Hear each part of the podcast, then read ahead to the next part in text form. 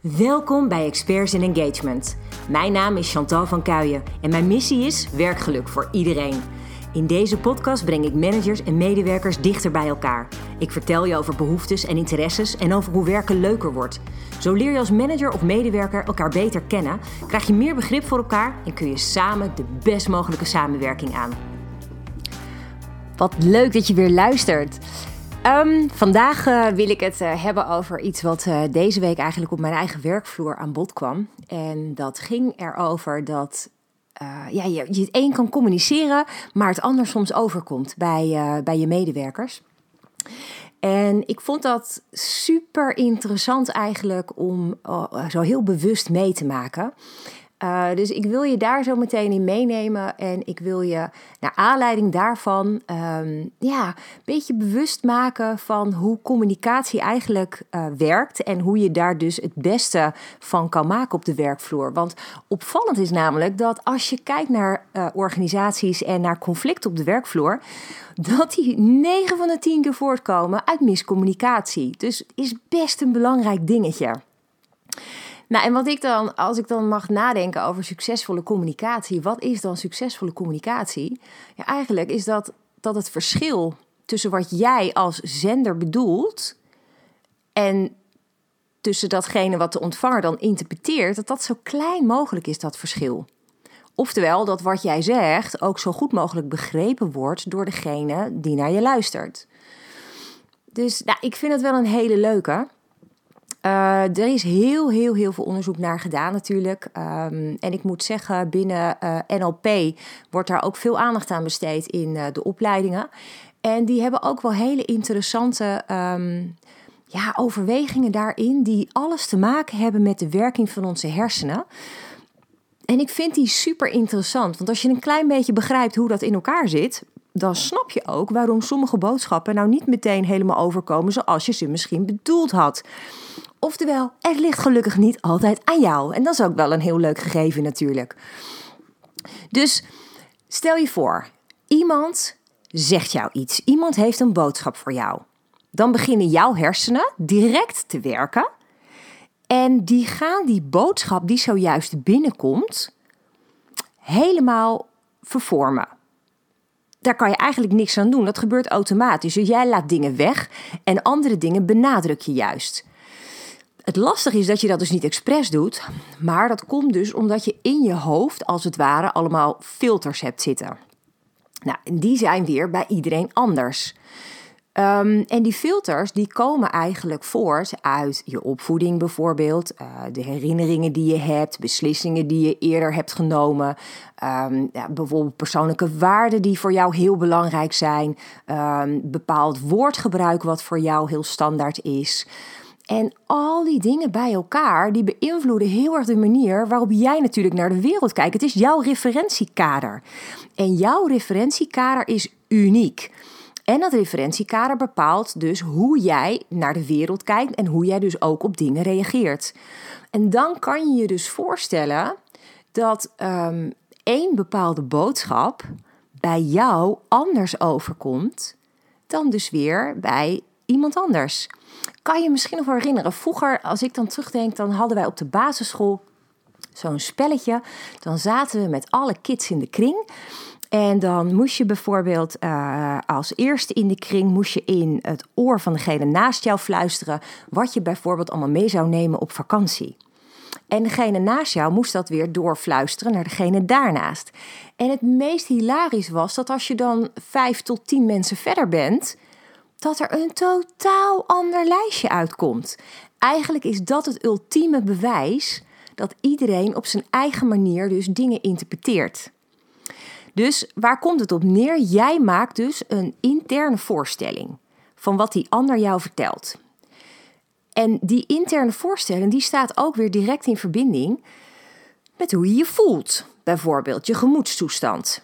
Maar ook met je fysieke gesteldheid. Want ook dat heeft enorm veel invloed op je. Stel je voor dat je een onwijs slechte nacht gehad hebt. Je hebt gewoon heel beroerd geslapen. Dan zie je de dingen heel anders dan dat je super uitgerust uit je bed kwam. Dus hoe jij dingen waarneemt en interpreteert hangt er enorm van af. Uh, of je vrolijk bent bijvoorbeeld of niet. uh, of je energiek bent of niet. Dus dat maakt uit. Dus dat betekent ook tegelijk, en dat is dan ook best wel weer heel lastig, is dat je dus onwijs langs elkaar heen kan praten. Dus jij reageert bijvoorbeeld direct op de boodschap van de ander, zonder dat je misschien echt weet wat die ander nou bedoelde. En we gaan er wel heel vaak vanuit dat wij allemaal dezelfde betekenissen geven aan de woorden die, die we gebruiken. Maar in de praktijk blijkt dat dus een heel ander verhaal. Omdat woorden kun je ook bepaalde associaties mee hebben. En dat is dan wel een hele interessante, want doordat je dus allemaal die eigen filters hebt, uh, geef je dus allemaal ook aan woorden je eigen betekenis. Maar daardoor ben je dus in wezen nooit precies in staat om te begrijpen wat die ander letterlijk bedoelt. Het is best wel heel ingewikkeld, toch? het punt is dus, je kan wel proberen om zo dicht mogelijk bij die betekenis van die ander te komen. Nou, en dat vind ik dus wel een hele leuke, want dat vind ik dan weer een hele boeiende om naar te kijken van hoe, hoe doe je dat dan? nou, het eerste is dus hey, gewoon je bewustzijn van het feit dat jij anders bent en waarschijnlijk ook anders denkt dan degene met wie je in gesprek bent. En om erachter te komen wat iemand dan wel echt precies bedoelt, stel je gewoon vragen. Um, want door die vragen te stellen kun je bijvoorbeeld uh, dieper ingaan op wat iemand dan zojuist gezegd heeft, om ja, daadwerkelijk de betekenis uh, eruit te vissen. Dus um, je kan bijvoorbeeld ook, als je bijvoorbeeld twijfelt over bepaalde woorden, of je die op de juiste manier interpreteert, zou je kunnen vragen hoe die ander dat ziet. En uh, je kan ook vragen als iemand een mening geeft, bijvoorbeeld, waarom die persoon dat vindt. Of als iemand je een vraag stelt van hé, maar waarom stel je mij deze vraag? Wat is dan de, de reden die daarachter zit? Want dat zal waarschijnlijk ook heel veel duidelijk maken voor je. Dus het mooie is als jij dus um, niet direct reageert door antwoord te geven, maar door eerst na te gaan wat diegene dan precies bedoelt, dan ga je natuurlijk onwijs de diepgang in in het gesprek. Dus dan krijg je een veel um, um, ja, diepgaander gesprek. En daardoor kan je de boodschap veel beter gaan begrijpen. Dus dat is wel een hele mooie. Um, want ja, het punt is natuurlijk dat je dan echt heel erg in contact komt. Dus bedenk dus gewoon heel erg dat het helemaal niet erg is. Hè? Dat je dus dat, dat die boodschap niet direct begrijpt. En dat jij dus je eigen interpretatie um, uh, daarop maakt. Maar check dan altijd even of jouw interpretatie klopt met wat degene met wie je praat ook bedoelt. Dus ja, en heel eerlijk, ja, weet je, op het moment dat jij vraagt om, um, om helderheid uh, of uh, om een soort van nadere uitleg, dan is er echt niemand hoor die dat ineens een probleem vindt. Grappig genoeg zullen de mensen dat alleen maar waarderen, uh, omdat helder wordt dat je wel echt aan het luisteren bent. En dat is ook wel echt een heel belangrijk punt. Dus niemand interpreteert dezelfde boodschap op dezelfde manier. Maar dat kan dus ook niet, want we zijn allemaal uniek. En we hebben allemaal onze eigen geschiedenis en we hebben allemaal andere kennis, dus allemaal een ander referentiekader. Er is ook een groot verschil tussen bijvoorbeeld mannen en vrouwen. Die denken vaak anders. Of kijk naar generaties. Een millennial, zoals jij bijvoorbeeld, denkt heel anders dan een babyboomer omdat je dus een totaal ander, in een andere wereld als het ware bent opgegroeid en dus een heel ander referentiekader hebt. Ik vind dat echt een ongelooflijk interessant gegeven. Um, en het gaat ook volgens mij niet alleen maar over dat je um, nou, vanuit een andere achtergrond komt. Hè, dat je uh, je eigen um, levensgeschiedenis hebt. Maar het gaat er ook om dat jij eigen uh, interesses hebt. Maar ook natuurlijk dat jij jouw eigen belang hebt. En dat maakt ook heel erg dat je op een bepaalde manier naar een boodschap wil kijken. En dan is er nog een heel ingewikkeld ding, en die is echt wel voor de meeste mensen de grootste uitdaging. We zijn niet zo heel erg goed met z'n allen in luisteren. Echt luisteren. Dus daarom interpreteren we. We luisteren als het ware een beetje tussen de lijnen door. En daar geven we dan een soort van betekenis aan. Want het probleem is namelijk dat als je in gesprek bent met iemand, je je volledig laat afleiden. je, je, je luistert naar deze podcast nu. Maar ik wil echt wedden dat jij tijdens die, uh, nou nog geen 10 minuten dat ik tegen je aan zit te praten, dat jouw gedachten al weet ik waar allemaal naartoe gegaan zijn. En dat is volledig logisch. Weet je, zo zit onze, onze uh, mind ook in elkaar. En dat is ook helemaal niet erg. Alleen maakt het af en toe wel een tikje ingewikkeld. Dus uh, je kan daar ook heel erg door in de war komen. Juist doordat je afgeleid wordt door je omgeving. Dus is het super, super belangrijk dat als jij een, belangrijk gesprek hebt, dat je ook echt in het moment aanwezig bent. Eva Jinek die zei een keer tijdens uh, een interview dat als zij in haar programma um, iemand aan tafel interviewt, dat dat haar enige moment op de dag is dat ze echt helemaal in het hier en nu is omdat ze echt zo goed mogelijk luistert naar haar gesprekspartner. En echt elk woord dat die persoon uitspreekt, zo goed mogelijk probeert te vatten. En als je ook oplet en je ziet haar zo'n interview doen, dan zie je ook dat ze tussendoor heel veel van die vragen stelt om helder te krijgen wat die ander dan bedoelt. En dat is eigenlijk best een heel goed voorbeeld. Um, om, nou ja, waar, je, waar je uit kan halen dat zij dus haar best doet om zich in die ander te verplaatsen. En op die manier um, nou ja, daar beter betekenis aan te kunnen geven. Zodat je ook echt op dezelfde lijn zit in het gesprek. Dat je dus niet langs elkaar heen zit te praten. Dat zou natuurlijk een beetje ongelukkig zijn als je dat in uh, zo'n talkshow hebt. Maar ook op de werkvloer ja, is dit wel echt een, een, een ding. Hè? Um, denk bijvoorbeeld aan het delen en het ontvangen van feedback. Dat gaat dus echt alleen maar goed als je elkaar ook echt begrijpt. Dus ook daar, hè, zo goed mogelijk luisteren is handig. Maar het begint dan ook wel met zo concreet mogelijk zijn en doorvragen. Want op het moment dat je dat dus niet doet, kan het zijn dat je dingen dus volledig verkeerd interpreteert. Nou, zo kunnen dingen wel, eh, de miscommunicaties wel ontstaan. Nou, dan kom ik een beetje uit bij de situatie waar ik dus van de week uh, zelf in zat. Uh, ik had een uh, gesprek met een van mijn medewerkers. Um, en hij gaf mij terug dat mijn feedback niet helder was. En ik vond dat super interessant, want ik dacht: oké, wat is dan uh, precies uh, het ding? Want ik had voor mijn gevoel hem wel complimenten gegeven over de dingen die goed gegaan waren. Maar opvallend was dat mijn complimenten blijkbaar niet heel veel indruk hadden gemaakt. Um, wat me uiteindelijk helder werd, is dat hij een bepaalde bevestiging zocht op andere taken. En dat omdat ik daar nog niks over gezegd had, woog dat zwaarder voor hem dan de complimenten die ik wel had gegeven. En dat is een heel interessant gegeven, hè? want um, dat heeft ook heel erg te maken met uh, hoe je naar de wereld kijkt. En uh, nou ja, je persoonlijke waarden dus. Wat vind jij belangrijk? En dan is het opvallend, en daar kunnen we helaas niet zo heel veel aan doen, want dat is een beetje ons oerbrein. Is dat we altijd veel zwaarder tillen aan negatieve dingen dan aan positieve dingen. Dus stel je voor, je meldt één aandachtspunt aan je medewerker. Bijvoorbeeld dat, um, nou weet ik veel, dat iemand een bepaalde planning niet gehaald heeft. Um, en dat je bijvoorbeeld zegt, nou het zou fijner zijn als je de volgende keer de deadline wil halen. Want nu kwam ik in uh, het gedrang, want er kwam een vervolgopdracht uit. En die liep daardoor nu vertraging op. En um, nou, dat is vervelend naar de klant, bijvoorbeeld. Maar stel je voor dat je tegenover dat ene aandachtspunt drie complimenten hebt staan.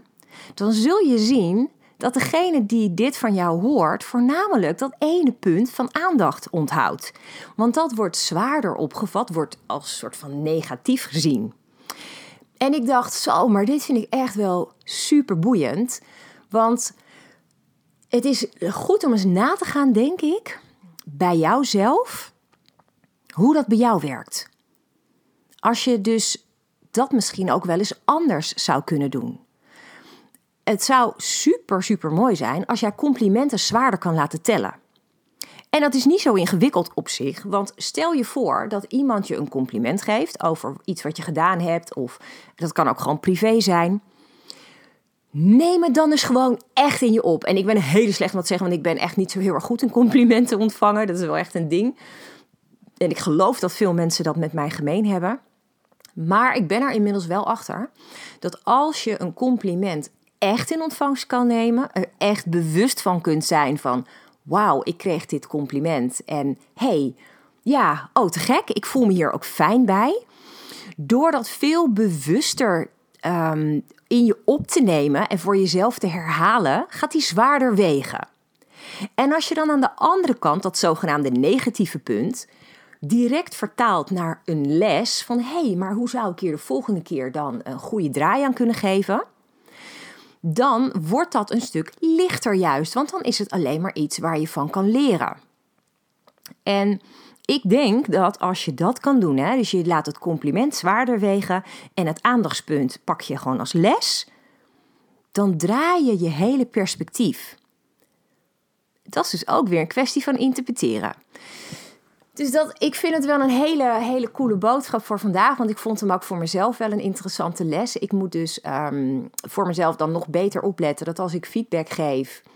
Ehm, dat ik dat dus in die zin zodanig helder doe. Dat ik zeker weet dat het ook overkomt. En dat geldt dus blijkbaar ook voor een compliment. Um, ik ging er eigenlijk altijd vanuit dat als je gewoon een compliment geeft, nou, dat hoort die persoon wel. Maar het gekke is dus dat dat helemaal niet altijd het geval is. En ik vind dat wel een hele leuke, um, ook om jezelf eens bewust van te zijn. Dus ik daag je uit bij het eerstvolgende compliment dat jij krijgt van iemand. Dat je dan dus uh, daar is eventjes gewoon jezelf lekker in wentelt. Gewoon eens even lekker van geniet. Van wauw, ik heb gewoon een compliment gekregen. En ik merk ook wel, ik ben dat ook al een tijdje geleden gaan doen, dat ik ook beter bijvoorbeeld kan bedanken als ik een compliment van iemand krijg. En het feit dat je er gewoon voor kan bedanken, dat wil ook wel gewoon zeggen: nou, ik heb hem ook echt in ontvangst genomen. En als je dat doet, dan zul je zien dat het hele perspectief gewoon verandert. En dat is natuurlijk wel onwijs positief voor de hele sfeer op de werkvloer. Dus ik denk dat het een hele leuke is als je nou eens met elkaar in gesprek bent. Um, ga voor de grap eens even kijken wat jij uit een gesprek haalt. En check eens gewoon voor de gein bij degene met wie je praat of dat ook was wat die persoon bedoelde. Ik denk dat er voor heel erg veel verrassingen komen staan.